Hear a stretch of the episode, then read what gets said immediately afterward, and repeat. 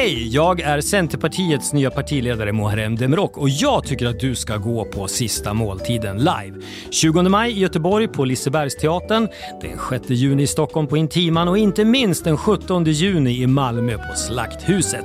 Biljetter finns att köpa på sistamaltiden.se. Nu ska jag gå och kasta pinnar med min hund Allan.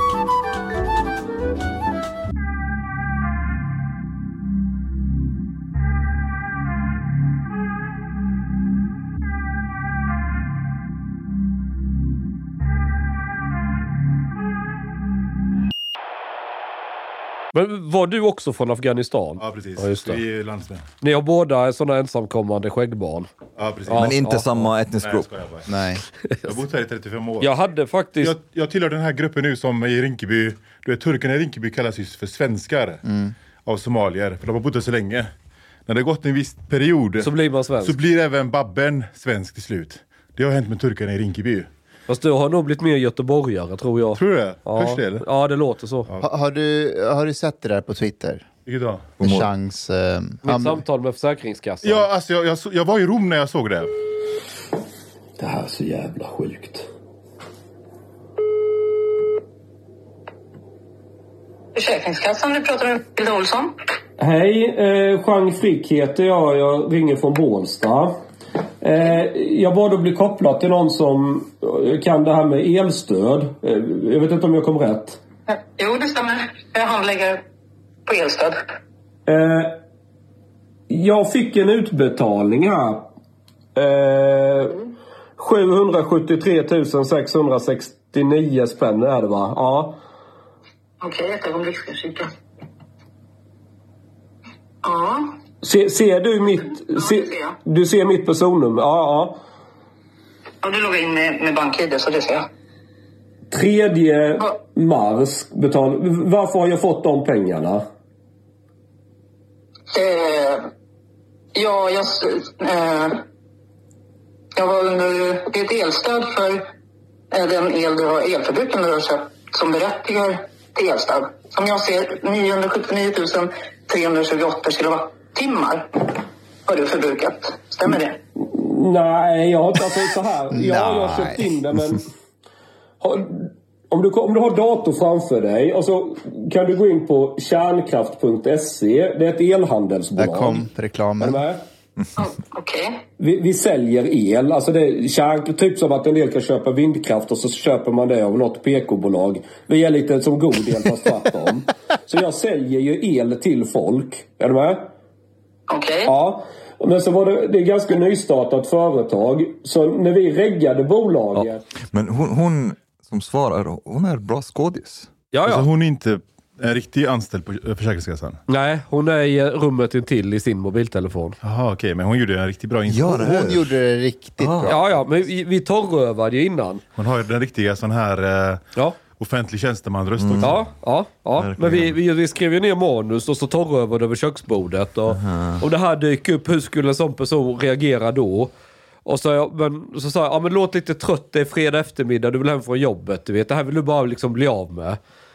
Eh, så du pratar lite pliktskyldigt sådär, bara läsa upp och sen ju mer jag trycker på att ja, men jag har fått de här pengarna felaktigt så säger hon Ja men du har köpt den här mängden som privatperson och då ska elstöd utbetalas. Du vet lite som Billström i den här intervjun när han bara var papegoja. Varför, hur kunde ni räkna fel i saldot? Men det är med flit väl? Vi, har, vi, vi, flit? la ju in grejer med flit i saldot. jo, jag vet att Onlyfans var med flit. Men beräk alltså, summan stämmer ju inte. När Jag, jag, jag, jag, ville lägga in massa grejer så folk skulle kunna se. Aha, Ja, okej. Därför att om jag, om jag gör det för trovärdigt Ja. Så kommer folk känna sig lurade på riktigt och då blir de arga. Fattar. Ja. Det är skitsmart. Så när de upptäcker efter en timme eller två, de blir starkast, men vänta lite, saldot stämmer inte. Ja men Onlyfans, har han verkligen fått 13 000 från Onlyfans? Ah. Och sen i tweeten jag lägger ut det, man kan tro att det här är ett jävla skämt. Ja, det- Du vet, det då blir det lite, ah, du Det vet. där gjorde du väldigt bra, för att du ger väldigt många ledtrådar på att det här inte är på riktigt. Men, Ja. men, men Daniel Svedin gick på det. Ja, ja, det är jättemånga gick på det. Fokus skrev en artikel som de har tagit bort nu. Ja. Men de kan inte, för en del hävdar ju sådär, de som verkligen, verkligen ogillar mig. Jag hörde ser ni, man kan aldrig lita på Chang. Kan aldrig lita på något han skriver på nyheter idag. Jag bara, du vet, folk fattar, det här ligger på Twitter och där är ju alla ledtrådar. Så att och det, är, det är som att säga att bara för att du är seriös i ett sammanhang och är journalist så kan du aldrig få skoja i ett annat sammanhang. Det är jätte... Vilken människa är sån? Ja. Ja, det är sant. Och båda sidorna finns ju hos människor. Varför ska man inte kunna visa... Och den som är komiker, vad hindrar honom från att ibland vara allvarlig och prata om något seriöst ämne? Alltså, Men Hamid, du var i Rom igår. Mm, det stämmer. Jag fick eh, en resa till Rom i födelsedagspresent redan i höstas. Så att eh, det var första gången i Rom för mig. Eh, du hade varit i Rom tidigare. Ja, jag har varit där. How was it? Ja, det var riktigt bra. Det är en fantastisk stad på många sätt och vis. Ehm, jag försökte liksom, jag brukar vara sån som försöker samla på mig intryck. Inte bara det här, eh, alltså det här eh, turistiga. turistiga, om man ska säga så. Utan också, vad är det här för samhälle? Vad är det som fungerar och inte fungerar? Eh, och det, det, alltså, kollektivtrafiken fungerar utmärkt. Eh, I Rom? ja, riktigt bra. På riktigt? På riktigt, man, man tror inte det, men den fungerar utmärkt. Tågen går i tid. What? Eh, Ja, men det A sa ju lot of Mus- trash though. Mussolini sa ju det där, tågen måste gå i tid. det kanske är det. Ja. Eh, man håller hårt eh, fast vid det. Men eh, jag, jag noterade att deras invandrare, om man får säga så, de som har flyttat till eh, Italien. Greken alltså. Inte, inte greker, men, ja, men de här afghaner och människor från Afrika. Mycket, från, många från Nordafrika. Men Det är också inte från, mycket kineser där också? eh, en hel del kineser och asiater. Folk från Malaysia. De pratar liksom klockren eh. Italiano. Och jag, och jag gillar ju liksom att besöka eh, religiösa platser när jag är på olika ställen. Och utöver att besöka Vatikanen så passar jag på att besöka Europas största moské som faktiskt ligger i Rom. What? Inte, ja. Det är Europas största moské som ligger i norra delen av Rom. Då gick jag in där och deras imam höll i en... ehm, Vad hette imamen? Inte Mario? nej, Eh, han, han höll i en predikan på klingande italienska. Alltså det var sådär kognitiv dissonans, du vet. För man är van vid att en, en, en religiös person som pratar på italienska, det måste vara en eh, påve eller en biskop eller något liknande, för det, det är så likt latin. Och så, men han var imam, så det var Don't make alla angry. Ja, alltså, det, var, det var häftigt alltså. Det var trevligt. En väldigt brokig skara besökare. Så det var, jag försökte urskilja vad, vilka är majoritet här, alltså, vilka är det som kommer hit. Men det var I think väldigt... there's a lot of people from Egypt there. Ja, det tror jag att det finns. Och sen säkert många från de gamla kolonierna. Etiopien och... Inte Etiopien, det var väl inte italiensk koloni. Men Libyen var ju italiensk koloni. Så att det, är- det är nog många från Nordafrika. Så att, eh, ja, spännande stad. Eh, Var du där själv? Mm. Så att jag passade på att utforska under några dagar eh, Rom. Det är betydligt trevligare vårväder där just nu än det här. Mm. Det är trevligare väder överallt jämfört med här. I was there 2019. Uh, I made a trip Rome, Paris, Barcelona. Rome is still one of my favorite cities. Rome and, and Florence. Tyckte du bättre om Rom än eh, Barcelona och Paris? Def- I didn't like Barcelona. Varför inte Okej. det? I, I don't like what, what's his uh, what's his name? Gaudi is. Uh, Ja, Gaudi. I don't like him. I don't like his, his style of architecture. So he was getting on my nerves the whole trip. Men vet du, han, han gjorde en protest mot vänster hjärnhalva samhället. Han är right brain architect. This is why I don't like him. Ja, exakt. Det är såklart. But uh, no, but it, you know, it, it didn't feel like it has much to offer in the way of, you know, you go to Rome and the culture of Rome. Then you go to Barcelona. There is the beach and there is nice food and stuff. But like culture-wise, it's not really jag my är kind of. beredd att hålla med. Jag har Ja. varit i Barcelona. Det, jag tror att jag är för dum för att förstå storheten. Jag trivs bättre i typ Italien, i Rom. Jag, det- jag vet inte, men Barcelona är väldigt speciell. Jag tror att ju mer babbig man är, desto mer trivs man i Italien. Ju mer så här konstnärlig, mer in touch with your emotions, desto mer gillar man Barcelona. I would say the opposite. Stämmer det verkligen? Jag tänker med, med tanke på så mycket konst som finns i Italien och framförallt Rom, tänker jag. Med Vatikanen och... Nej, min vetenskapliga analys håller. Det kanske ligger något i det. Han kan där, han är kemist. Okej, okej. Det förklarar saken. Du har nog rätt. Det är fan sjukt. Jag, jag, jag tycker det är en väldigt... Uh, ja, Okej, så här. Jag har aldrig varit i Rom. Så jag ska inte säga någonting. Uh-huh. Men jag har varit i Bologna. Det var kaos. Mm. Inget funkade. Är det därifrån Bolognese kommer? Ja. Ja, okej. No, but the museums, the you know. Nej, det är fett fint. Det är fett fint. Åt du glass? Mm, det gjorde jag. Riktigt god glass. Eh, pizzorna var bra. På. Gelato. Men, men eh, apropå det här med Vatikanen, det som slog mig var den här liksom enorma överdådigheten som finns där inne. Eh, Blev du katolik på kuppen? nej, jag blev inte det, Nej. men, men eh, jag imponerades av... Alltså jag tänkte vilka skatter man har samlat på sig. De här liksom ornamenten och tavlorna och all, allt, allt man har samlat på sig, rikedomarna. Så tänkte jag så här, om man någonsin skulle få en ekonomisk kris på allvar i Italien så är det bara att plundra Vatikanen. Det finns hur mycket skatter som helst där. Helt otroliga mängder eh, rikedomar och Alltså till ett, de, det kan inte ha något, alltså det, det är ovärderliga summor vi pratar om. Men ehm, imponerande. Italien är min favoritresmål. Jag åker dit nästan varje sommar. Men det finns ju ett i-lands-Italien och ett u-lands-Italien. södra Italien är väl u-land? Ja, och norra är ju I-land. nära Schweiz Tyskland. och, och Tyskland. Och jag måste säga att du vet, det är som två olika länder. Alltså de i norra Italien, de, har, de tycker inte att de har någonting gemensamt med de i södra. I was just watching Sopranos and and uh, Furio. He was saying the same thing. Like they were talking about Columbus, and he say Columbus is from uh, Furio is from uh, Naples. He says Colombo, uh, Columbus is like from the from the north. We spit on the north because they spit on us or something like Yeah. that. They don't like each other at Yeah. all. Mm. Du vet när Maradona kom till Napoli, då var ju eh, alla andra i Italien, de tycker att Ne- Nepal är, du vet, det stinker. Jaha. Så när, när varje gång Napoli mötte de andra lagen så sjöng de alltid Napoli stinker, er stad, ni, du vet, ni är äckliga, ni är smutsiga. Ja. Så Maradona satte ju dem på, på kartan. Liksom. Det var ju deras stolthet. Så åker du dit och blir en stjärna, de avgudar dig som inget an, ingen annan stad, inget annat I land. Napoli? Ja. Ja. Var det inte Lazio som hade en ramsa som var att man, när de mötte Napoli så, så, så skanderade de att de skulle tvätta dem i Vesuvius vulkan. Alltså du vet, och det liksom antyder att de är mörkare där nere i, Ital i södra delen. Så att, eh, och Lazio, Lazio är inte kända för att ha de schysstaste ultras. Så att, eh, det, Bra kombo. men det, jag håller med dig, jag, jag tror att det, känslan är nog för många att det är två olika länder på många sätt och vis. Kulturellt och ehm, ja, men, eh, ekonomiskt också. Det är liksom väldiga skillnader mellan norra delen och södra delen. Eh, Och, och de flesta industrierna ligger i norra Italien, knappt några i Det södra. är som skillnad mellan Angered och Göteborgs centrum. Precis. Ha- Have you been to Istanbul?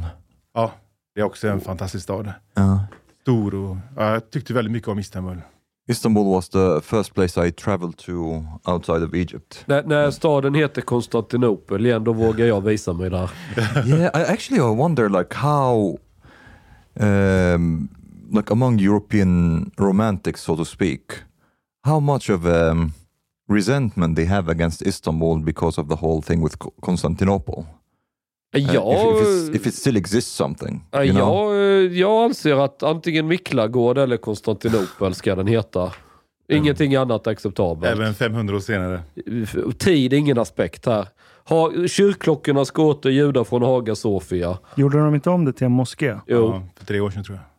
Mm. Innan dess var det ju museum.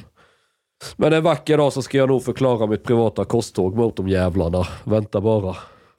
Mm. Men du har inte gjort det tillräckligt menar du? Vadå tillräckligt? Jag har knappt värmt upp ju. Du vet, jag ska anlita de polska husarerna. Det var ju de som försvarade Wien mot eh, ottomanerna. Där de hade de här stora hattarna med de här fjädrarna. Sabatone har ju gjort en låt om det. Det hänger en jättestor tavla inne i Vatikanen som skildrar just eh, de här polska Ja. soldaternas eh, försvar mot eh, turkarna. Eh, den är typ åtta meter bred. En helt gigantisk eh, ram. Så Att, eh, I, I kept uh, when I was in the in the Vatican, it was like super crowded. I kept getting the urge to like, what would happen now if I just like scream Allahu Akbar? Eh, Du tänker på det ganska ofta va? Jag vet.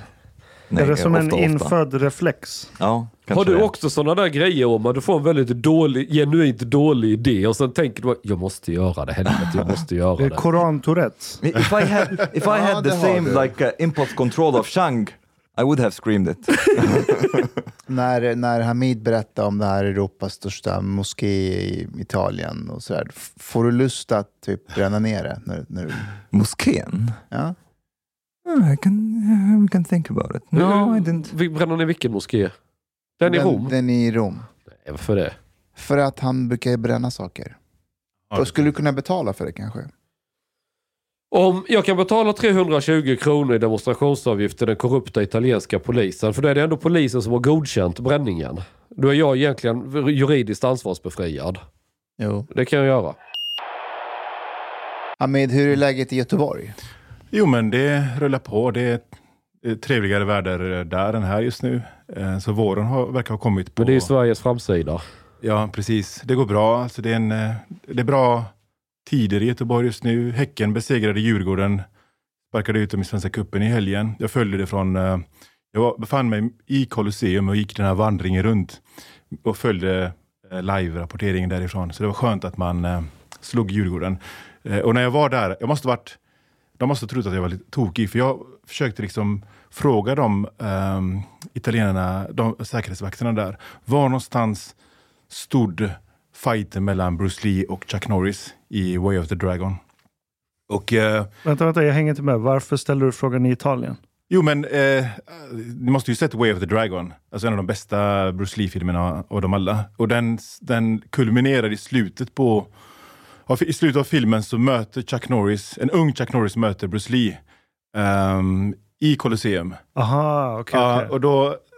Eh, och sen så försökte jag liksom, och jag gick runt från person till person bara, var, någonstans, eh, var spelar man in fighten någonstans? Och de, och de bara, till sist var det någon som sa, jag tror inte att den, in, in, att den är inspelad här, utan den är i en studio, men eh, de var här i alla fall. Så att, The unstoppable force meets the immovable object.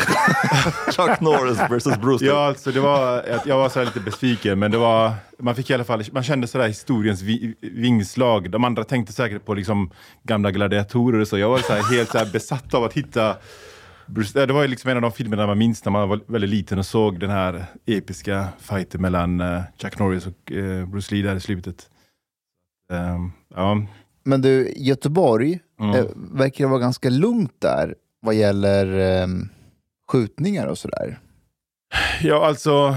ehm, det har varit relativt lugnt. Vi hade mm, några incidenter i fjol. Vi hade ju, tyvärr var det en före detta elev till mig som sköts ihjäl i somras. Ehm, ehm, vi hade ju polismordet för ett och ett halvt år sedan också.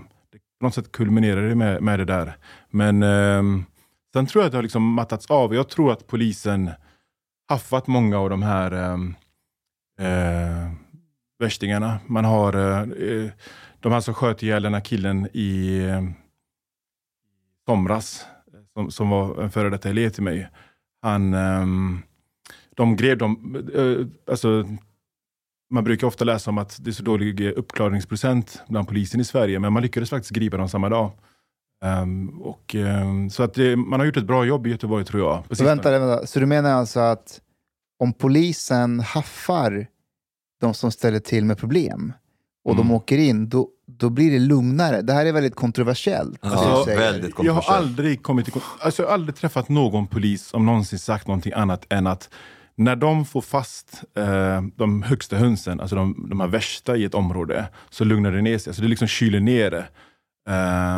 S- eh, Blir det inte maktvakuum? då? Yeah, because that's one, one explanation that they say about Stockholm, that because there is a power vacuum, ja, then more and more coming through, like to try Ja. to fill it. och, och, men, men då beror det ju på de lokala omständigheterna. Att om det finns ett yngre gäng, som jag har förstått att så var situationen i Stockholm för några år sedan, när, när eh, ledarna för, ett, eh, för en falang åkte in i, i finkan, så tog yngre förmågor över och, och eh, fyllde det vakuumet. Så att det beror ju helt och hållet på hur omständigheterna ser ut.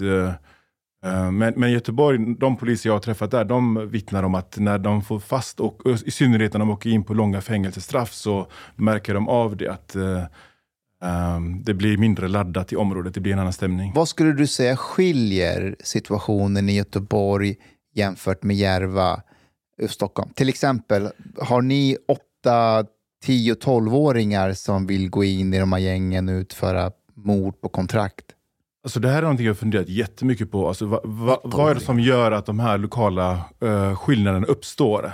Jag brukar säga så här att om en nyzeeländare kommer till Sverige uh, som aldrig besökt Sverige tidigare och åker runt mellan de olika storstadsregionerna i Sverige så kan den liksom genom att besöka de här utanförskapsområden, låt säga att den besöker Angered i Göteborg, besöker eh, eh, den här personen besöker liksom Järvafältet, den besöker eh, Rosengård och så vidare. Så tror jag att Tjärna ängar i Borlänge exempelvis, så tror jag att, att, trots att den inte är så särskilt väl insatt i Sveriges politik eller Sveriges, det svenska samhället, så kommer den kunna liksom sätta ord på den personen kommer kunna sätta ord på att här finns det vissa strukturer som påminner väldigt mycket om varandra. Alltså de här strukturerna som har skapats i förorterna i Sverige, de skiljer sig inte åt så jättemycket från varandra. Alltså du har samma problematik, en stor andel människor som inte pratar svenska eller som pratar väldigt knagglig svenska. Du har en, låga skolresultat, du har um, som, som Peter Esaiasson beskriver det, det är, ganska, det är ganska smutsigt alltså ute på gatorna. Det är inte, det, renhållningen fungerar inte, den kommunala renhållningen fungerar inte. Det är ganska slitna lägenheter på många håll. Alltså de här strukturerna ser likadana ut. Så jag tänker så här, någonstans där måste ju svaret finnas på varför, varför reproduceras eh, det här utanförskapet i Sverige? För att vi gör, och då, måste, då menar jag, då måste det ligga politik bakom.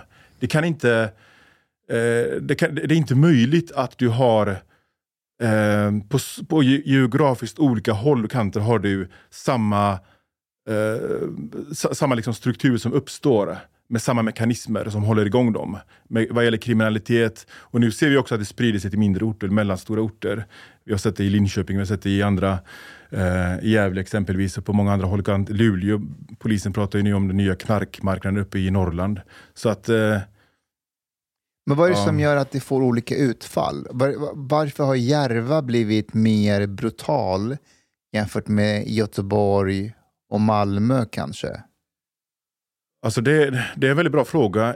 Alltså jag, jag, jag har ju läst... Eh, man kan säga, jag tror att man kan, man kan säga så här att problematiken ser olika ut. Det fin, alltså ingen av de här områdena är eh, befriade från kriminalitet eller de kriminella eh, element som finns där. Utan, men det ser nog olika ut. Ibland är det olyckliga omständigheter. Eh, I Göteborg, exempelvis i Angered, har vi en, en, en, en klanfamilj, en, en, släkt som utövar um, våld och använder sitt våldsmonopol i området genom att hota. Eh, Johanna Lerneby Bäckström har skrivit en hel bok om den här familjen. Uh, och hon skildrar hur, hur man i vardagen använder sig av sitt, det här, sin makt.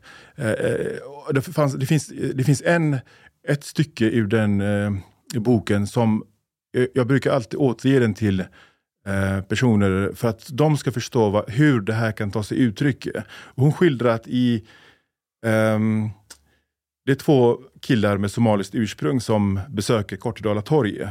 Um, och då finns det en parkering där, så de kör fram till den här parkeringen och ska parkera sin bil.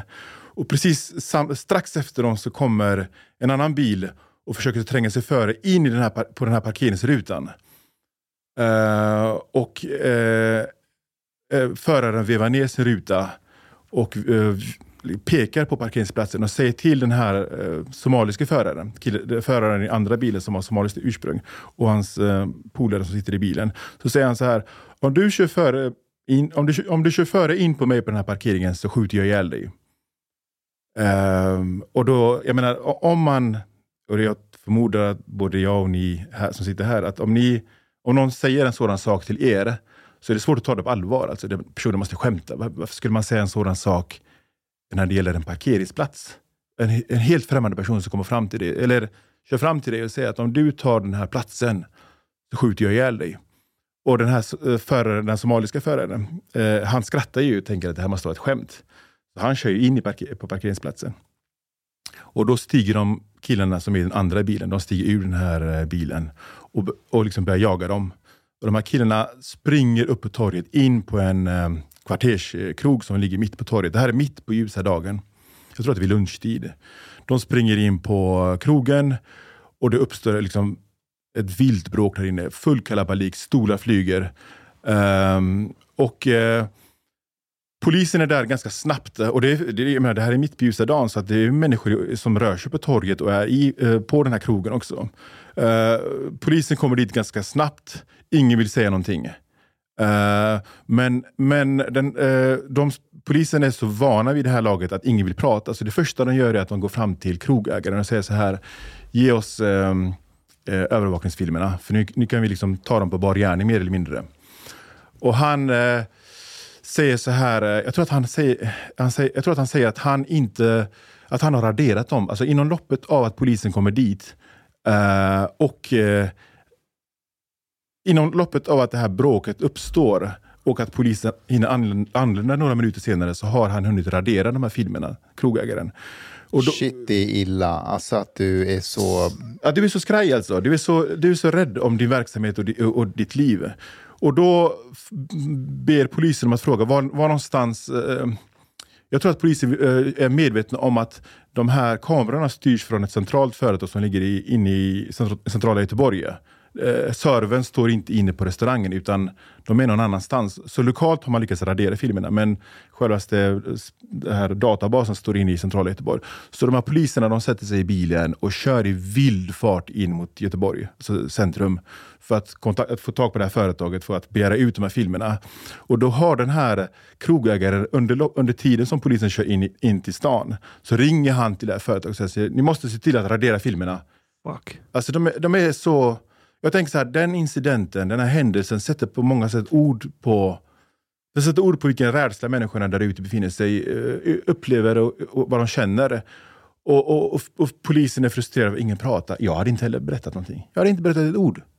Jag, kan, jag, jag är den första att säga det, att jag hade inte sagt det. När, när man har med den typen av, av individer att göra, vem är man att liksom riskera sin familj? Liksom att, Uh, de ska råka ut för någonting väldigt allvarligt. Ibland kan man liksom få intrycket att folk, ja men jag hade minst sagt sagt någonting. Alltså. Eller jag hade, Fan eller? jag hade inte, jag hade helvete att jag hade sagt någonting. Jag hade inte sagt ett ord. Jag hade gått och köpt tårta till dem på parkeringen. Så här, Ja, ta ja. tårta, kom hem till mig, ta min parkering. It depends really. It depends on what kind of crime. Uh, and I, I guess it would be very difficult if, for example, if somebody was killed, especially if somebody from your area and maybe you know their family or something, and De you verkar ju skita i familj och... De, de bryr sig inte om sånt. Jag hade, när jag jobbade i Angered så hade jag en nyanländ kille. Ehm, han hade kommit precis ensamkommande, jag tror han var från Somalia, ensamkommande.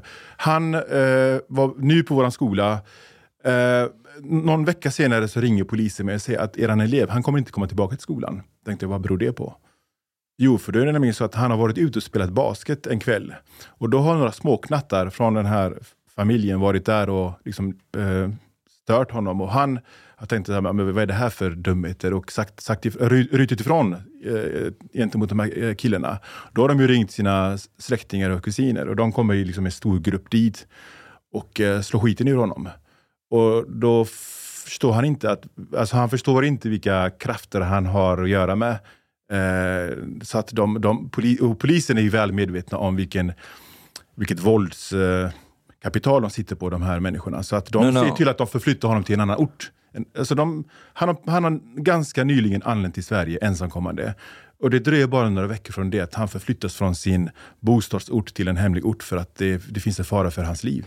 Yeah, but I, but I meant I meant like more, not the family of the perpetrators, but the family of the victim.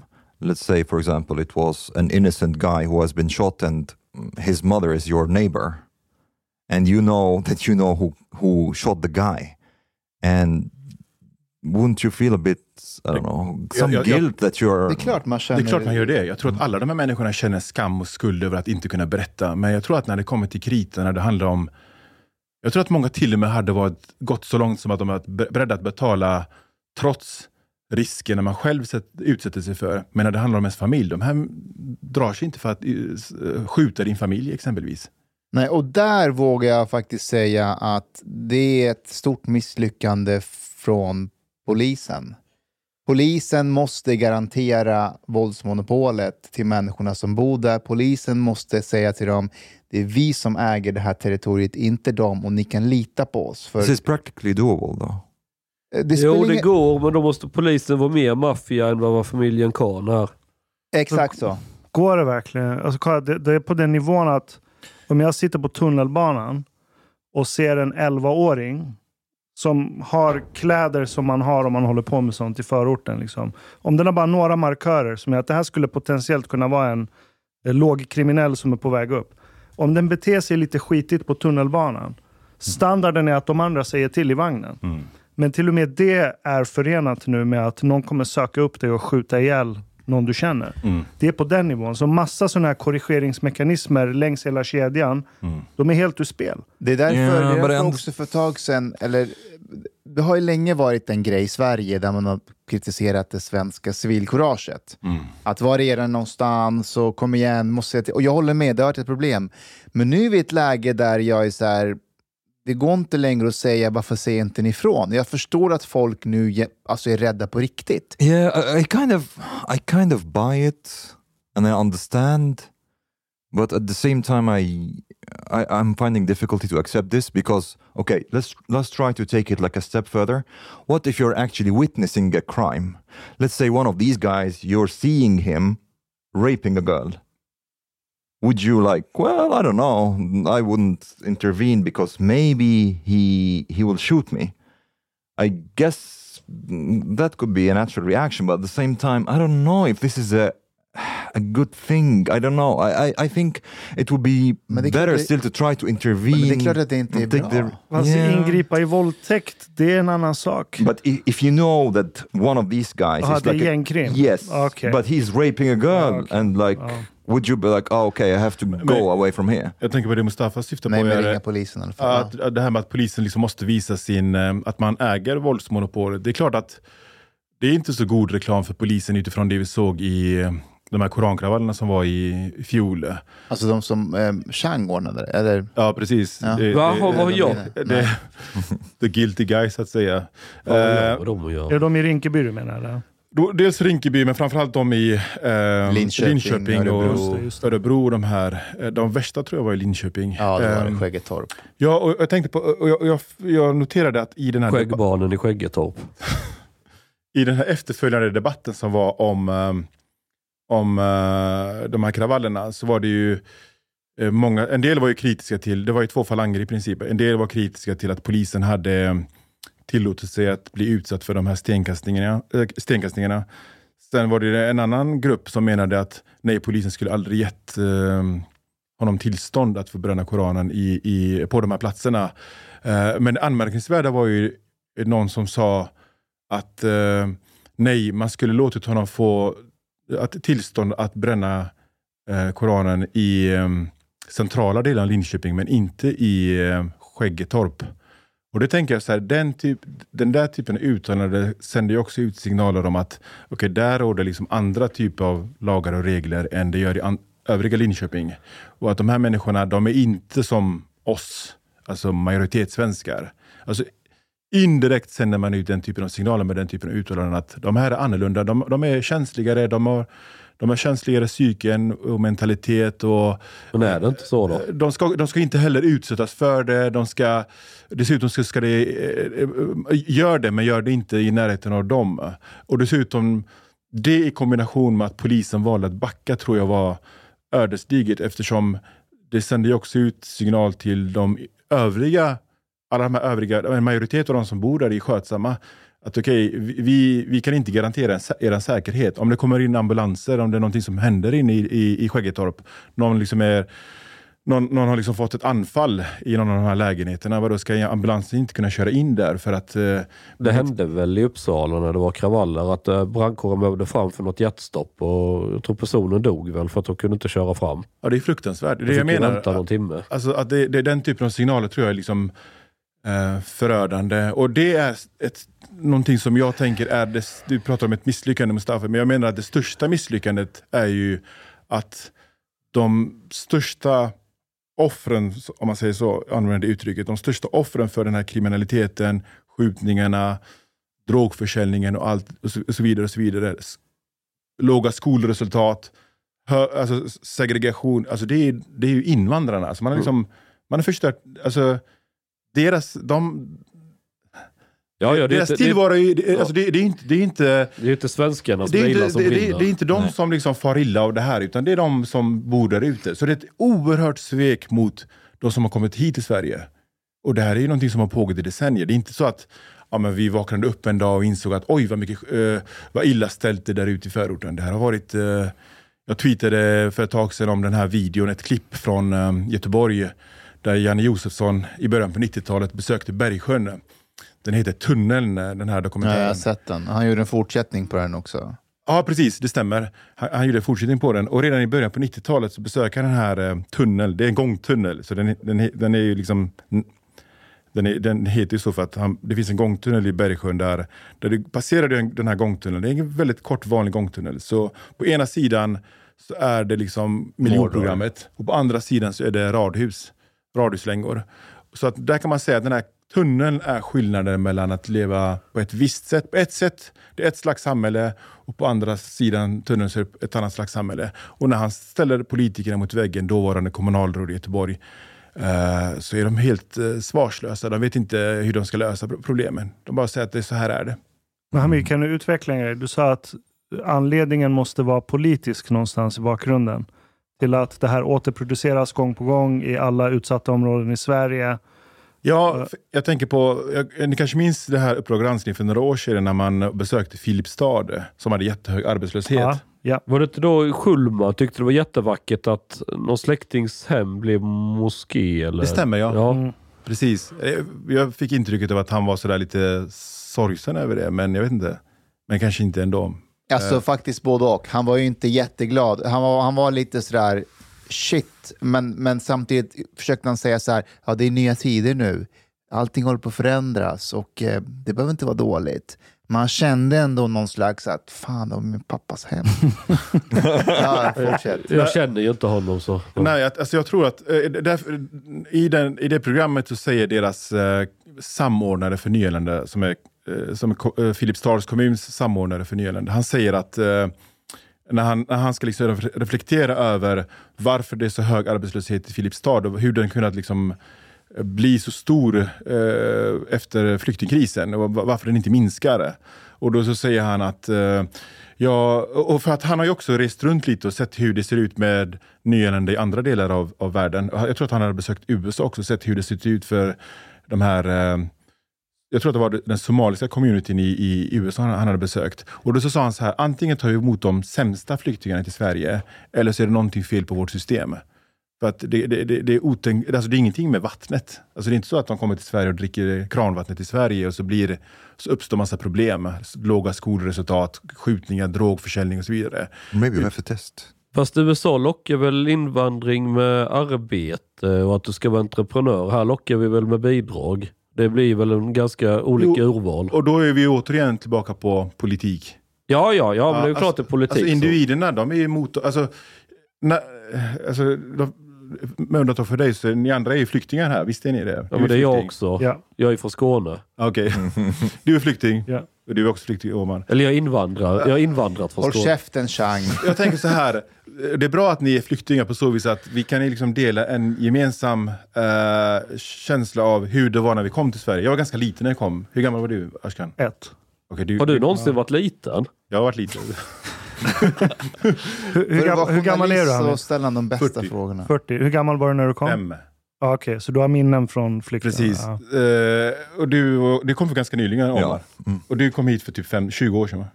Ja, jag var 11 så är det 25, 26 Ah, Okej. år. 27 Ja, men du minns också. Jag trodde du var 16.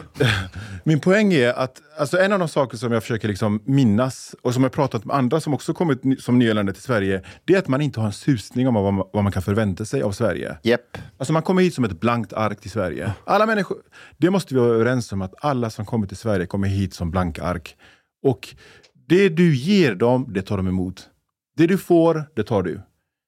Får du, eh, eh, får du en, en, en lista med, med instruktioner att det här ska du, eh, nu är du välkommen, du är välkommen till Sverige. Det här är det som gäller här. Det här är det vi förväntar oss av dig. Och det här är våra regler. Eh, och vi kommer behandla dig väl. Vi kommer respektera dig och så vidare. Det man kommer att vara mottaglig för det. Men om, de, men om de här instruktionerna saknas eller inte är kompletta eller liksom är luddiga, har luddiga konturer så kommer resultatet och konsekvenserna bli därefter. Och jag vågar påstå att där finns det en skillnad mellan olika länder när det gäller mottagandet av flyktingar. Men, men också att man vet, alltså de som åker till USA, de vet att där måste man jobba, du måste ha två jobb för att klara det. Staten kommer inte hjälpa dig med någonting. Medan i Sverige vet du någonstans att, för du har hört stories om att där tar man hand om dig. Du har de här rättigheterna, barnbidrag, socialbidrag, bostadsbidrag. Och du har samma rätt till dem som medborgarna. En kul grej som jag kommer att tänka på. Det är att när du skriver filmmanus så finns det en regel. Ni har sett Independence Day. Mm. Vad är den absolut första scenen i filmen? Kommer ni ihåg det? Inte när de vaknar i sovrummet. Nej. Det absolut första när filmen går igång. Länge sedan jag såg den. Är det någon som sitter och lyssnar på radiosignal eller Nej. någonting? Okay, say Det, det är scen nummer två. Scen nummer ett, då ser vi någonting, vet inte vad det är, men det är någonting stort som kommer upp bakom månen. Så ett jättestort rymdskepp. Och sen kommer den här radiolyssnaren som upptäcker någonting. Och sen byter vi helt miljö, familjärt allting. Och den regel som finns när du skriver manus, det är att du måste etablera direkt för tittaren att i den här filmen finns det rymdskepp, det finns aliens. För om, om det introduceras 15-20 minuter senare in i filmen, då kommer tittaren bli lurad och inte alls köpa det. Utan allting som hör till det här universumet, så vi, om, om det är, eh, vad heter det, Game of Thrones eller Sagan om ringen. Du måste direkt visa vad är miljön, vad, vad är spelreglerna, vad är det som gäller för den här storyn. Annars så kommer du, eh, gör du ett manus där det kommer senare in, likadant med en bok. Helt plötsligt så, Det är likadant med tv-spel också. Exakt, ja. Eh, eh, Många av er känner, säkert till det att skaparen av Mario, alltså Super Mario, Ja. Shigeru Miyamoto, han har ju uttalat sig om att när han skapade det första Mario-spelet, ni har ju säkert alla kört det, så ser man Mario, den här lilla figuren, och så när han står still där så kommer det en fiende som går i riktning mot Mario. Om du inte hoppar så dör du. ja. Eh, Du måste hoppa och det, är liksom, det ger dig en eh, direkt hint om att det är någon, det är en, någon slags knapptryckning Ja. som du måste göra på handkontrollen för att kunna fortsätta spelet. Ja. Hade, hade liksom inte den här figuren existerat där som kommer emot Mario så hade kanske, och vi måste tänka att tillbaka då så var ju folk fortfarande kvar i den här Space Invaders-tiden. Du vet, när någon, det är en skärm, eh, allt händer på en och samma statiska skärm. Ja. Men Super Mario det är liksom ett sidoskrollande spel. Ja. Det kräver någon slags interaktion från spelaren där man hoppar, där man springer och så vidare. Ja. Men, men det, är det, samma, det är samma princip. Jo, men- och, och det är en sån där grundregel i all storytelling. Det är att du måste direkt, det första du gör, etablera vad är reglerna som gäller. Ett antal premisser, ett antal regler. Och, så, och Ni kan titta på vilken Hollywoodfilm ni vill som är science fiction, så ser ni att eh, Alien, likadant, det börjar direkt med rymdskepp. Sen kan du byta miljö till något annat om du vill. Eller vad det nu är för någonting. Det måste spegla vad, vad är förutsättningarna för den här filmen. Och och det tänkte jag på när man kommer till Sverige då, det är samma där. att Får du inte de förutsättningarna jävligt tydligt direkt, så börjar de kraven komma senare, då, blir du, då känner du dig lurad. Ja, och jag tänker på att, eh, jag tror att det var det jag frågade en gång Mustafa, där jag sa, kan man, kan man bo i Sverige hela sitt liv utan att lära sig svenska? Ja, Ja, det kan man. det kan man. kan bli medborgare. Och du kan bo i Sverige hela ditt liv utan att jobba en dag. Jag, jag känner sådana personer som, som, eh, som har inte jobbat en dag sedan, de kom till Sverige. Så den, den möjligheten finns ju. Vi kan tycka vad vi vill om det, men det är så förutsättningarna ser ut i Sverige. Att du inte behöver kunna ett ord svenska och du kan dessutom till på köpet också bli medborgare i landet utan att eh, kunna ett ord eh, svenska. Du vet, när jag är ute och föreläser så brukar jag ta upp det här att, att man bara kan bli medborgare i Sverige utan att kunna svenska. Att du bara får det kastat efter dig efter ett par år. Vet ni vad den vanligaste kritiken brukar vara mot det jag säger? Det här, det här är svensk liksom, rationalitet som, som, där de försöker, liksom, så här, vad snackar de om? Det står inte alls an. Vet du vad de säger? Ja, fast de fyller i blanketterna för att bli medborgare. Ja, det är sant ju. Vadå, är det kravet? Ja, alltså du måste fylla i blanketter för att skicka in för med- medborgare. Så då säger de, det- då stämmer det ju inte att de inte kan svenska. Ja, fast vem är det som säger att de gör det själva? Yeah, but but you know, uh, one one thing that is is uh, important about like having clear rules it's not just for the people who are here already. The spreading of the word to people who are also considering Sweden, like b- because, for example, it was if it is something unacceptable for them, maybe they wouldn't come.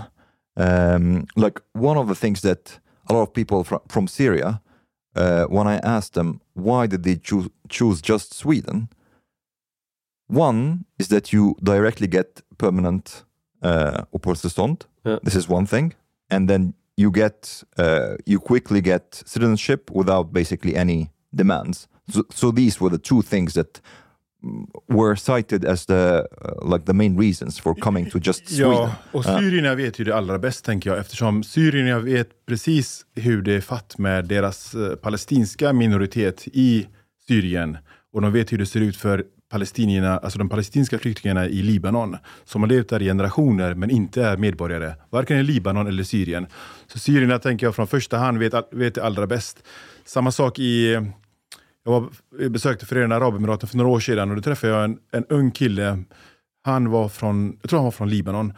Hans farfar hade kommit till eh, Emiraten 1972 och Emiraten bildades eh, som en federation 71. Alltså han hade anlett året efter att det blev ett självständigt eh, eh, federation.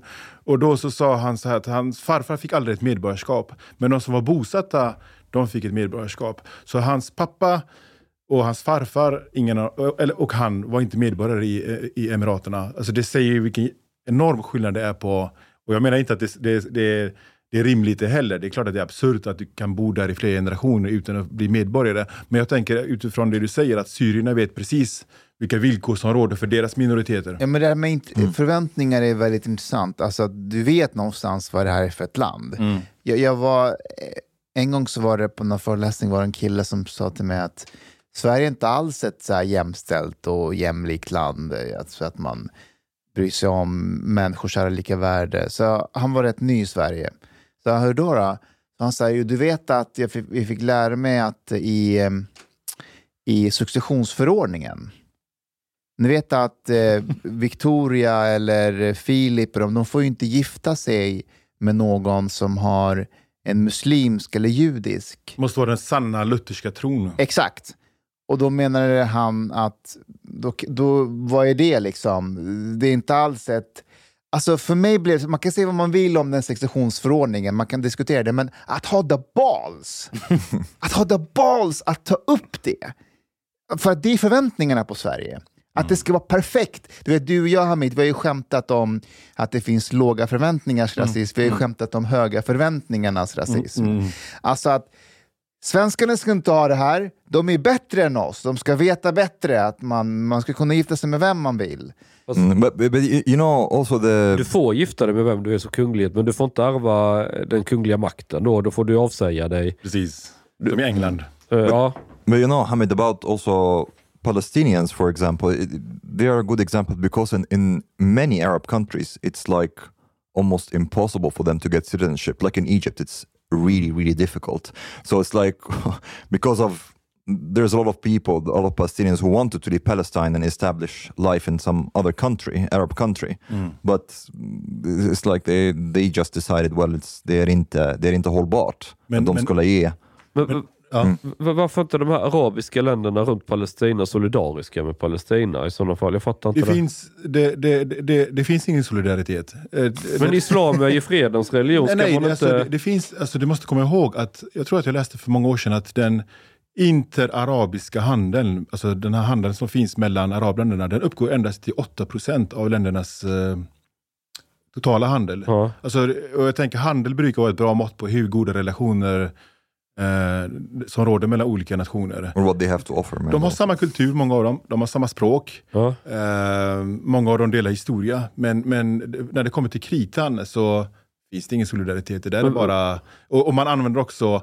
Palestina som ett slags eh, alltså inrikespolitiskt slagträ som man kan slänga fram, eller ett kort som man kan slänga fram lite då och då om man vill stå på deras sida. Nej, det finns inte. Okej, men så här, jag håller med om att eh, vi har varit dåliga på att informera vad det är för ett land och allt sånt där. Men vi fyra här är ju ändå ett exempel. Vi fick ju inte den informationen. Så vad är det som gör att vi sitter här och har den bilden av Sverige. Och, jag räknar inte dig Chang, för att du följer ju inte samhällets normer och värderingar som alla andra.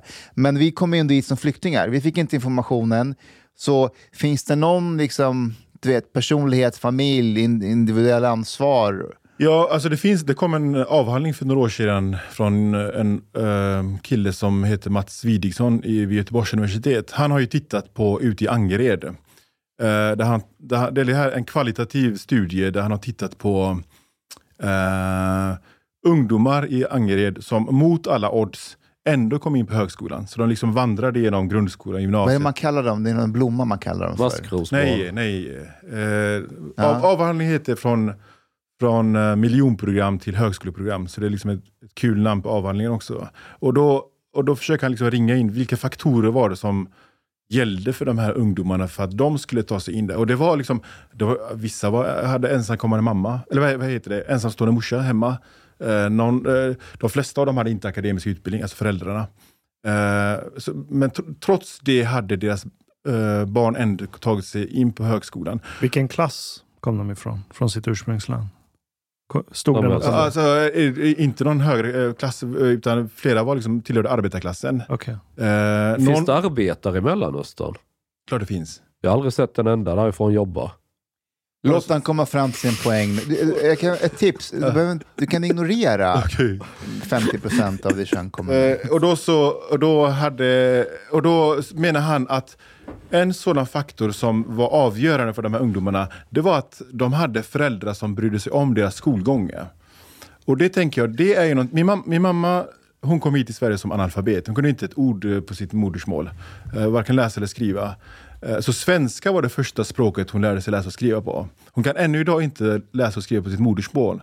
Men hon kan svenska. Och, Är det eh, Dari eller, eller Pashto? Pashto. Pashto. Eh, och då menar jag, och när jag tänker tillbaka på, mitt, på min barndom, så var det just det här att men du vet, hon och min pappa, de liksom värnade om att vi, jag och mina syskon skötte skolan, frågade hur det gick, deltog på föräldramöten, eh, utvecklingssamtal och så vidare. Och så vidare. Och jag tänker så här, att den typ...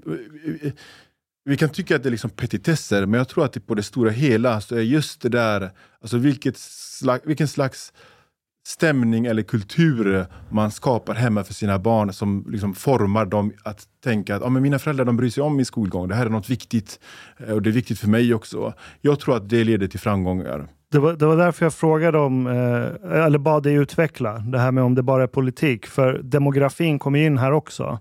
Mm. Och det, är att, alltså, och det är väldigt banalt, men det är sjukt att det inte är en allmän ve vetskap i Sverige. Att din kulturella bakgrund avgör också vilken respons du har. Mot att ditt område är underfinansierat, eller inte underfinansierat, men det är slitet, städning funkar inte, soporna ligger där, byggnaderna är utslitna. Det gör någonting med dig. Jag säger inte att det inte har någon betydelse. Det kan ha extremt stor betydelse, men du hur du upplever dig själv, vilket värde du har av att allting är bara trash där du bor. Men beroende på din kulturella bakgrund så är din respons jävligt annorlunda på det. Ja, men också, alltså, äh, äh jag menar inte att alla förorterna är slitna, äh, utan det finns förorter som är liksom välvårdade. Äh, I Göteborg har vi ett område som heter Gårdsten där liksom det kommunala bostadsbolaget har liksom fått priser och till och med tagits, plockats bort av polisen på listan över utsatta platser. Jag har jobbat i Gårdsten tidigare och fick på, liksom, på nära håll bevittna hur, hur man jobbade. De kallade till möten med alla kommunala berörda. Man, så en gång i månaden kallar de skolan till möte tillsammans med polisen, någon chef från socialtjänsten, chefer från fritidsgårdarna. Eh, och i, när varje möte öppnades så höll han som var VD för Gårdstenbostäder, han liksom visade statistik. Eh, den senaste månaden, hur har kriminaliteten sett ut alltså, i området? Hur liksom har det gått upp? Anmälda brott, har det gått upp eller ner? Och jag var liksom så här häpen över det här. Här har vi liksom en kommunal fastighetschef, fastighets-VD som är engagerad i den lokala skolan, är engagerad i hur, det, i hur fritidsgårdarna sköts. Uh, jag menar, det, är inte, det är egentligen inte hans områden. Det här är liksom områden som bedrivs av andra verksamma eh, eh lokalt. Men han har ett engagemang för att han tänker att alla delarna måste fungera. Om man ska ha hyresgäster in i, i Gårdsten så behövs det en fungerande skola, det behövs fungerande fritidsgårdar, fungerande eh, poliskår och så vidare. Och han brukade säga att intrycket, synintrycken gör, gör så mycket för människor när det gäller att uppleva när det kommer till att uppleva trygghet. Och han sa att om, om gräsmattan inte är klippt och den är lite för hög så signalerar det att här sköter inte det kommunala bostadsbolaget sitt uppdrag utan det skapar indirekt en känsla av otrygghet. Men han verkar ju vara ett stort undantag till hur det brukar vara i Sverige. För här är vi ju mästare på att säga det där är inte vårt område. Eh, du får gå dit, det är de som sköter den frågan. Och, och, och, och varje myndighet de går till, de försöker hitta sätt att säga det här är inte vårt område. Men ha- han blir ju som en lokal klanledare som Ja. känner ansvar över området. Men är inte det en polis som är vd där nu? Nu är det en polis, eh, för den förra vdn gick i pension. Eh, men men, men jag, jag tror att det, om man ska liksom titta på det bolaget, alltså det, eh, det fastighetsbolaget, vad var det de gjorde? De tog sitt uppdrag på väldigt stort allvar. Bara ett stenkast, eller någon kilometer, mindre än en kilometer därifrån, så ligger ett annat, eh, en, annan, eh, en annan del av Angered eh, grannområdet, det ser inte alls ut på det sättet. Det är mycket slitnare lägenheter, det är liksom slitnare gator, det, eh, gräsmattorna är inte klippta på samma sätt. Alltså, alla de här faktorerna tror jag bidrar. Jag hade en poäng med det, men glöm, glömde jag bort längs vägen. Alltså just det här med, du sa någonting Ashkan, det här förut med lägenheterna, hur slitna de är och så vidare. Du sa, Innan dess så sa du att, är det in, invån, eller in, individerna eller är det Nej, men jag, jag menade bara att beroende på vilken kulturell bakgrund du kommer ifrån, inte bara du som individ, utan din familj, dina föräldrar, så påverkar det vilken respons du har också.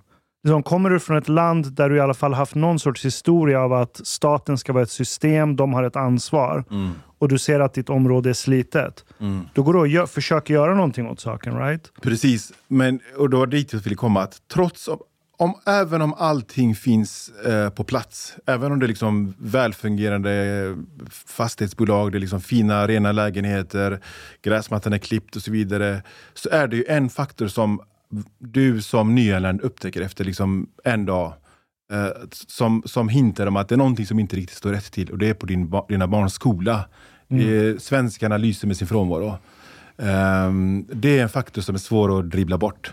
Eh, det, det, det märker de direkt. Eh, Och, och allra bäst eh, uttryckte en pappa som hade bott i Småland någonstans, ute på vischan med sin, med sin familj. Och sen hade, jag tror att de bott där i ett år eller så, sen flyttade de till Göteborg. Eh, och han kom till, ville ha ett möte med mig och då så sa han så här, var är de svenska barnen? För i Småland var han och hans barn en minoritet. Alla var liksom blonda, blåögda lintottor. Så kom han till Biskopsgården och ser att Alla var svarta. Nej men eh, alla, alla, det var, svenskarna fanns inte där. Och det är någonting som man ogärna pratar om i Sverige idag. För att det här berör alla.